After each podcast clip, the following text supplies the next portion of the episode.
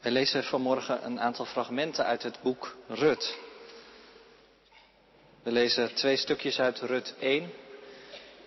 En dan gaan we helemaal naar het eind van het boekje, naar Rut 4, waar we ook nog een fragment uit lezen. Toen Naomi hoorde daar in Moab dat de Heer zich het lot van zijn volk had aangetrokken en dat het weer te eten had, maakte ze zich samen met haar twee schoondochters gereed om Moab te verlaten en terug te keren. Samen met hen verliet ze de plaats waar ze gewoond had. Maar toen ze eenmaal op de terugweg waren naar Juda, zei Naomi, gaan jullie nu maar allebei terug naar het huis van je moeder. Mogen de Heer zo goed voor jullie zijn als jullie voor mij en mijn gestorven zonen zijn geweest. Mogen Hij ervoor zorgen dat jullie allebei geborgenheid vinden in het huis van een man. En ze kuste hen. Toen barstten zij in tranen uit en zeiden, maar we willen met u terugkeren naar uw volk. Ga terug, mijn dochters, zei Naomi. Waarom zouden jullie met mij meegaan? Kan ik soms nog zonen krijgen die jullie mannen kunnen worden? Opnieuw begonnen zij te huilen. Orpa kuste haar schoonmoeder vaarwel, maar Rut week niet van haar zijde. Kijk, je schoonzuster gaat terug naar haar volk en haar God, zei Naomi. Ga haar toch achterna. Maar Rut antwoordde, vraag me toch niet langer u te verlaten en terug te gaan, weg van u. Waar u gaat zal ik gaan, waar u slaapt zal ik slapen. Uw volk is mijn volk en uw God is mijn God. Waar u sterft zal ook ik sterven en daar zal ik begraven worden. De Heer is mijn getuige, alleen de dood zal mij van u scheiden. Naomi zag dat Rut vast besloten was om met haar mee te gaan en drong niet langer aan. Zo gingen zij samen verder tot in Bethlehem. Hun aankomst in Bethlehem baarde veel opzien. Overal in de stad riepen de vrouwen, dat is toch Naomi? Maar ze zei tegen hen, noem me niet Naomi, noem me Mara, want de ontzagwekkende heeft mijn lot zeer bitter gemaakt. Toen ik hier wegging had ik alles, maar de Heer heeft mij met lege handen laten terugkomen. Waarom mij nog Naomi noemen, nu de Heer zich tegen mij heeft gekeerd, nu de ontzagwekkende me kwaad heeft gedaan? Zo kwamen ze samen terug uit Moab, Naomi en haar schoondochter Rut, de Moabitische. Ze kwamen in Bethlehem aan bij het begin van de gerstenoogst. Dan maken we een stap in de tijd en gaan naar hoofdstuk 4, vers 13. Daarna nam Boas Rut bij zich. Zij werd zijn vrouw en hij sliep met haar. De Heer liet haar zwanger worden en ze baarde een zoon. De vrouwen zeiden tegen Naomi, geprezen zij de Heer die jou vandaag iemand gegeven heeft die voor je zorgen zal. Mogen zijn naam in Israël blijven voortbestaan. Hij zal je je levensvreugde teruggeven en je onderhouden als je oud bent. Want je schoondochter die je lief heeft en die meer waard is dan zeven zonen, heeft hem gebaard. Naomi nam de jongen op haar schoot en bleef hem vanaf dat moment verzorgen. De buurvrouwen gaven hem zijn naam. Naomi heeft een zoon gekregen, zeiden ze, en ze noemden hem Obed. Hij is de vader van Isaï, die de vader is van David. Dit is het woord van God. Gemeente van Christus, gasten in ons midden, beste doopouders, namen zijn veelbetekenend. Daar weten jullie als kerstverse ouders natuurlijk alles van. En we hoorden het net al bij het kindermoment. Een naam verzin je niet zomaar. Daar gaat het nodige zoekwerk aan vooraf. Daar denk je lang over na. En soms verander je hem op het laatste moment nog. Een van jullie vertelde dat dat gebeurde de dag voordat het kindje geboren werd. Want namen zijn veel betekenend en zeg nu zelf, zo'n naam draag je een leven lang mee. Een manier om je kind een betekenisvolle naam te geven is om je baby te vernoemen. Dat hebben een aantal van jullie ook gedaan. Maria, Jacob, Margriet, Anna Maria, Johannes, Peter. Allemaal namen die voor jullie een stukje verbinding met het voorgeslacht laten zien. Met je ouders of je grootouders of een oom. Misschien zijn een aantal van hen vanochtend ook wel in de kerk. Maar je kunt ook heel bewust voor een andere naam kiezen, een naam met een betekenis die je aanspreekt. Lea bijvoorbeeld, sterk en dapper als een leeuw. Of Samuel, gehoord door God. Juda, geloofd, zegt God. Of Thijs, geschenk van God. En dan kun je ook nog een naam kiezen die, die je doet denken aan een verhaal wat je aanspreekt. Bijvoorbeeld Elise Maria. Een verwijzing naar het verhaal van Elisabeth en Maria. Een verhaal over hoop en verwachting die deze twee vrouwen met elkaar deelden. En zo hebben jullie allemaal een naam voor je kindje gekozen. Stuk voor stuk namen met een betekenis. Een associatie en misschien ook wel een wens. Want een naam is het eerste wat je aan een kind meegeeft. En namen hebben daarom altijd betekenis. Nu hebben we vanochtend een fragment uit het boekje Rut gelezen. En dat is een prachtige novelle die je eigenlijk in één keer helemaal uit moet lezen. Het is zo'n verhaal waar je je door moet laten meeslepen. Een verhaal over leeg zijn en gevuld worden. Een verhaal over een nieuwe toekomst die achter de horizon ligt. En zo past dat verhaal heel goed in de adventstijd. Wat een tijd van verwachten is. En het past ook geweldig goed bij een doopdienst. Waar namen klinken met een betekenis. Want als je het boekje Rut leest, dan zie je dat eigenlijk alle namen in dat boek een hele belangrijke betekenis hebben. De namen in het boek Rut zijn veelzeggend. Alleen al als je de namen zou gaan uitzoeken, kom je erachter waar dat verhaal over gaat. Dus dat gaan we vanochtend doen. We gaan een aantal van die namen langs. Wat betekenen ze? En is er misschien nog een naam die al die namen aan elkaar verbindt? Een naam achter of misschien wel een naam boven die namen, waar het uiteindelijk op uitloopt.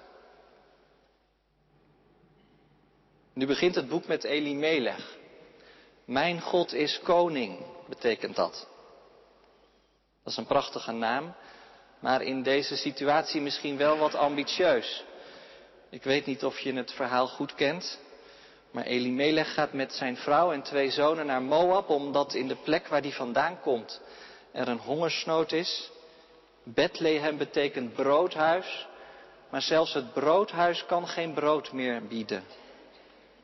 En daarom gaat hij weg naar Moab, een vijandig buurland eigenlijk. En daar gaat het helemaal niet goed. Die zonen die trouwen met Moabitische vrouwen.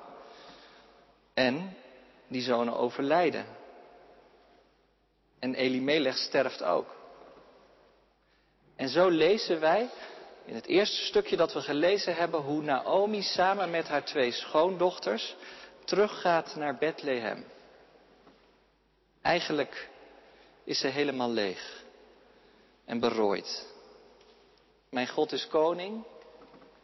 Dat betekende die naam van Elimelech. Prachtig zal Naomi gedacht hebben, maar ik heb er de laatste jaren bar weinig van gemerkt. En dan gebeurt er onderweg iets opmerkelijks.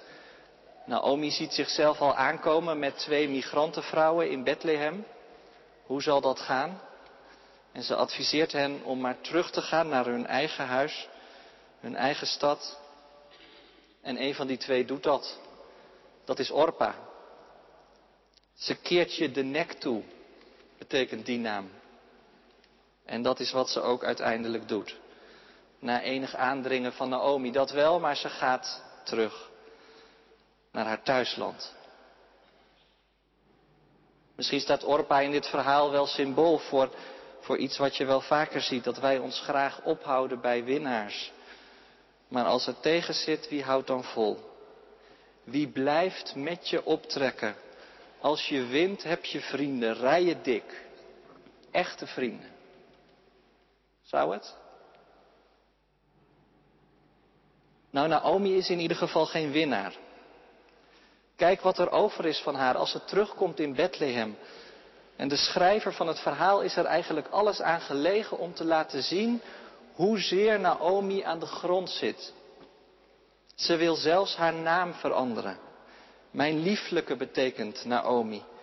Maar ze maakt er wat anders van, noem me maar Mara. Dat betekent de bittere. Toen ik wegging had ik alles. Maar de Heere heeft mij met lege handen laten terugkomen. Hij heeft zich tegen mij gekeerd. Het laatste restje vertrouwen wat Naomi misschien nog had, is ze kwijt. Het verleden lijkt veel groter te zijn dan de toekomst. In de toekomst heeft ze geen enkel vertrouwen meer. En misschien, misschien herken je daar wel iets van. Dat het verleden groter lijkt dan de toekomst. Dat het verleden alles overschaduwt als je naar voren kijkt. Misschien ben je wel bang voor wat komt. Dat kan natuurlijk op persoonlijk vlak, hoewel ik hoop dat het leed van Naomi ons allemaal bespaard blijft. Maar dat kan ook op allerlei andere vlakken zo zijn. De afgelopen decennia hebben zich gekenmerkt door een ongelofelijke vooruitgang. Technologisch, economisch, een diep ingrijpende digitale revolutie. Het verleden is groot, zeker. En tegelijkertijd heb ik het idee dat mensen bang zijn voor de toekomst. Hoe moet het aflopen met onze planeet? Het was onnatuurlijk heet deze zomer. En ik las ergens dat dat een grote groep jonge mensen bij de psycholoog heeft gebracht. Met vragen waar ze sowieso al mee worstelden. Ik zie interviews met millennials die zich afvragen of kinderen krijgen eigenlijk wel zo'n goed idee is. Wat doe je ze eigenlijk aan als je ze nu op deze wereld zet? En wat dacht je van de kerk? Van het koninkrijk van God? We zijn hier vanochtend met een kerk vol met mensen en er worden zeven kinderen gedoopt. Wat een zegen. Wat mooi. En tegelijkertijd weten we allemaal dat dat niet de trend is. Dat kerken juist krimpen.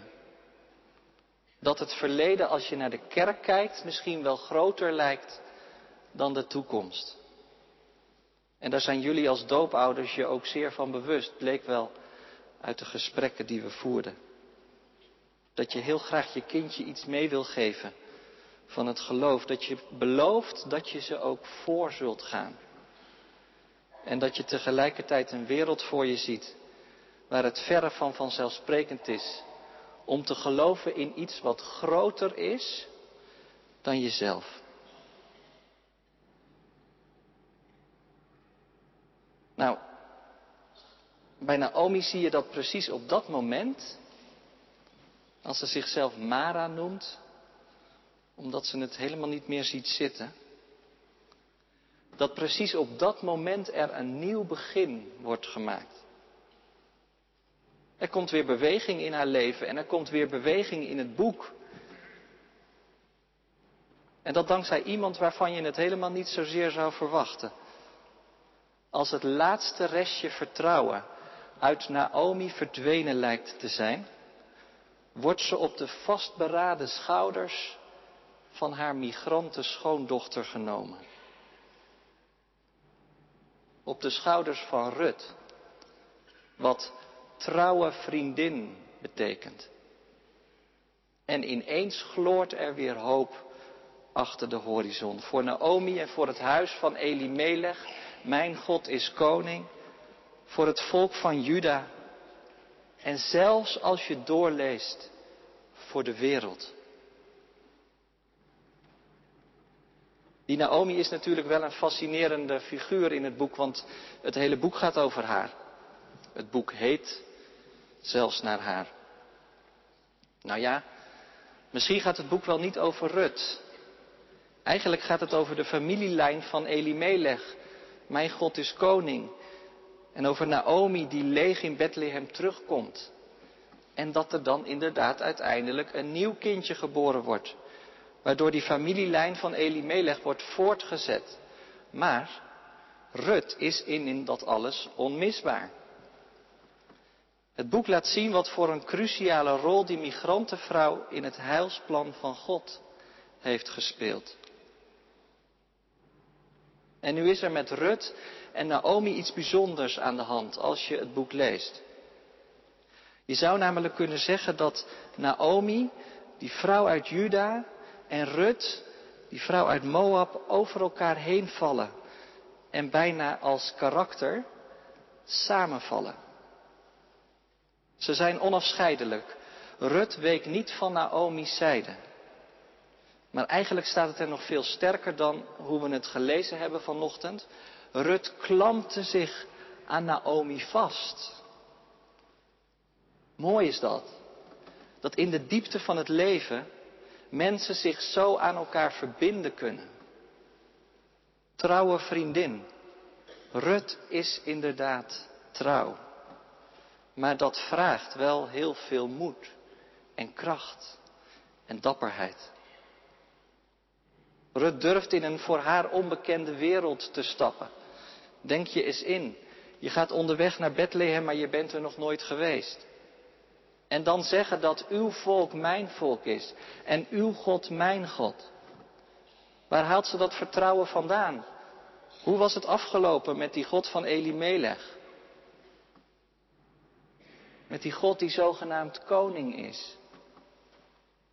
En wat wist ze nou van het volk van Naomi? In het Hebreeuws wordt een woordje gebruikt wat je ook met gemeente of gemeenschap zou kunnen vertalen. Maar ja, wat is er nou spannender dan jezelf toe te vertrouwen aan een gemeente of een gemeenschap die je helemaal niet kent? Die het heel goed met elkaar hebben, maar waar jij een soort outsider bent. Een groep mensen van wiens erbarmen je vervolgens afhankelijk bent. Dat is trouwens iets wat tot op de dag van vandaag niet vanzelfsprekend is. Hoe groot ons verleden ook is, als het om vooruitgang gaat. Maar ga eens kijken aan de grens tussen Mexico en de VS. Of aan de stranden van Griekenland. En toch durft Rut het. Toch gaat ze mee met Naomi. Er is blijkbaar een vreemd verlangen in haar hart gelegd, wat haar krachtig en moedig maakt. En dan is er nog die andere karaktereigenschap die haar echt gegeven wordt en dat is trouw. In al haar relaties wordt Rut door trouw gekenmerkt. Ze bewijst trouw aan de doden, aan haar schoonvader en haar man en haar zwager die overleden zijn. En nu bewijst ze trouw aan de levenden. Dat Hebreeuwse woord voor trouw, dat kom je heel vaak voor in de, tegen in de Bijbel. Het veronderstelt vaak een soort bedreigende situatie, gevaar, ziekte of dood. Een situatie waar het erop aankomt om trouw te blijven. Waar dat ook niet per se vanzelfsprekend is. Trouw blijven aan iemand door dik en dun. En dat woord voor trouw wordt dus ook heel vaak gebruikt voor God. In de psalmen bijvoorbeeld. Zometeen gaan we dopen en als doopteksten heb ik teksten uit de psalmen gekozen. En je zult zien in een aantal van die teksten komt dat woordje trouw terug. Loof de Heer, want Hij is goed, eeuwig duurt zijn trouw. Genadig en liefdevol is de Heer, Hij blijft geduldig Groot is zijn trouw. Rut laat dus iets zien van de trouw van God. Door dik en dun blijft hij erbij. Dat zie je ook in het boekje Rut. Het liep niet af toen Naomi zich Mara noemde. maar het ging door. En dan is er nog één iemand wiens naam we niet genoemd hebben. Dat is Boas. Boas, zijn naam kan je met krachtige vertalen. En Boas is inderdaad krachtig. Je kunt niets anders zeggen dan dat Boas, als je het boek Rut leest, krachtig is. En durft wat iemand anders niet durft te doen. Ik zei het aan het begin, Elimelech had een stukje braakliggend land achtergelaten in Bethlehem. En Naomi komt berooid terug. Ze vervalt in de armoede. En nu waren er regels dat een losser, een familielid, dat stukje grond dan zou kunnen kopen, zodat de eigenaar Naomi geld zou hebben om uit de armoede te komen. Hoe dichterbij, hoe groter de verwachting dat je het kopen zou. En zo is er in Rut 4 aan het begin een naamloos familielid die het niet aandurft. Want als je dat stukje grond koopt, dan krijg je Rut erbij en dan krijg je Naomi erbij.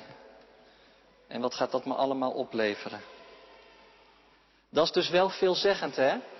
Dat er bewust staat in hoofdstuk 4 aan het begin dat die man geen naam heeft, want zijn naam doet er niet toe. Staat er dan bij. En dat is ook veelzeggend. Maar Boas is niet laf. Boas, hij gaat ervoor. Ook al omdat hij Rut heeft leren kennen. Dat lees je in hoofdstuk 3. En zo lost Boas de schuld in voor Naomi. En zo begint er in ieder geval in materieel opzicht al iets te gebeuren in haar leven. In de interpretatie van dit verhaal wordt ook in Boas vaak iets van God gezien. De naam van Boas komt precies evenveel voor als de naam van de Heer. Als een soort verborgen teken dat het eigenlijk de Heere is die door al deze gebeurtenissen heen werkt en die door alles heen trouw blijft. En zo komt uiteindelijk ook alles bij elkaar in de geboorte van Obed. De Heere liet Rut zwanger worden en ze baarde een zoon, staat er in 4 vers 13. En we zagen het al, die karakters van Rut en Naomi, die vallen als het ware over elkaar heen. En zo kunnen de vrouwen straks ook zeggen dat Naomi een zoon heeft gekregen. Die andere naam, Mara de bittere, die is in geen velden of wegen meer te vinden. Daar zit een oma met haar kleinkind. En ze noemde hem Obed. Hij is de vader van Isaï, die de vader is van David. En zo eindigt dit verhaal, ondanks de dood van Elimelech aan het begin, toch met een koning, koning David. Obed betekent dienaar.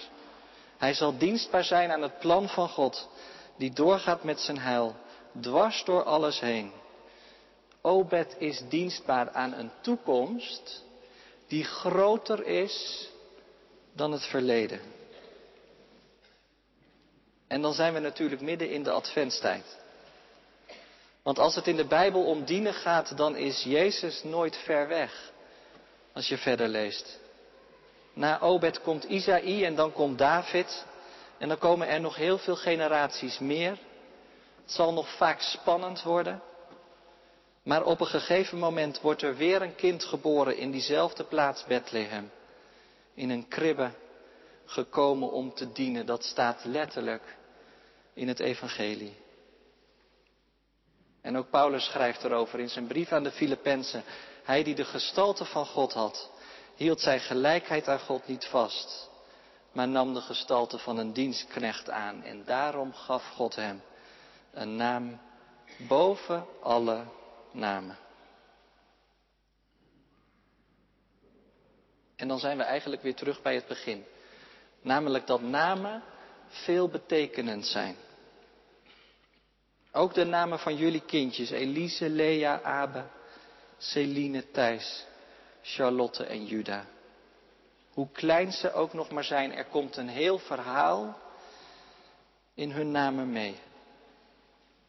En dan gebeurt er vandaag iets heel bijzonders, want dan wordt er aan hun namen nog een nieuwe naam verbonden. Het ging net even over die existentiële angst die zoveel mensen vandaag de dag voelen, dat de toekomst misschien wel kleiner is dan het verleden. Op wat voor vlak dan ook. Maar misschien is die angst wel helemaal niet nodig. Als je gelooft dat de naam van God een naam boven alle namen is.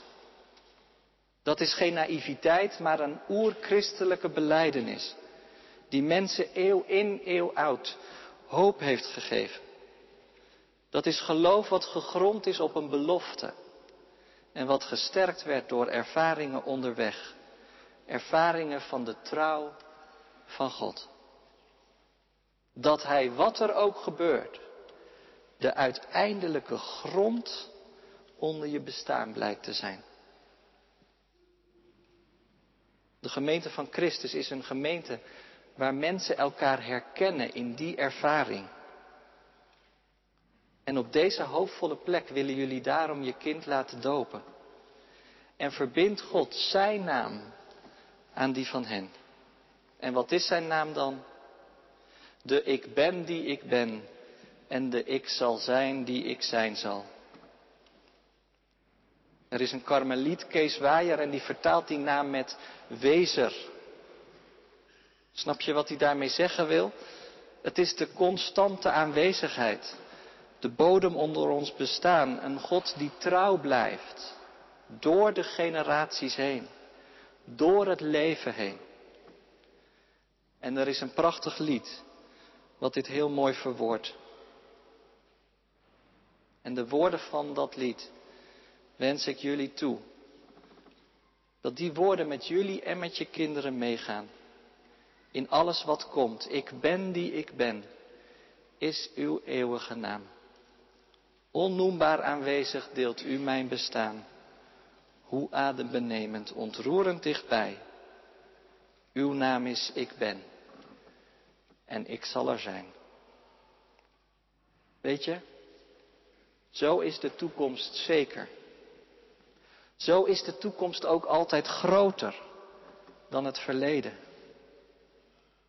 In die hoop leven wij. En in die hoop dopen wij. Amen.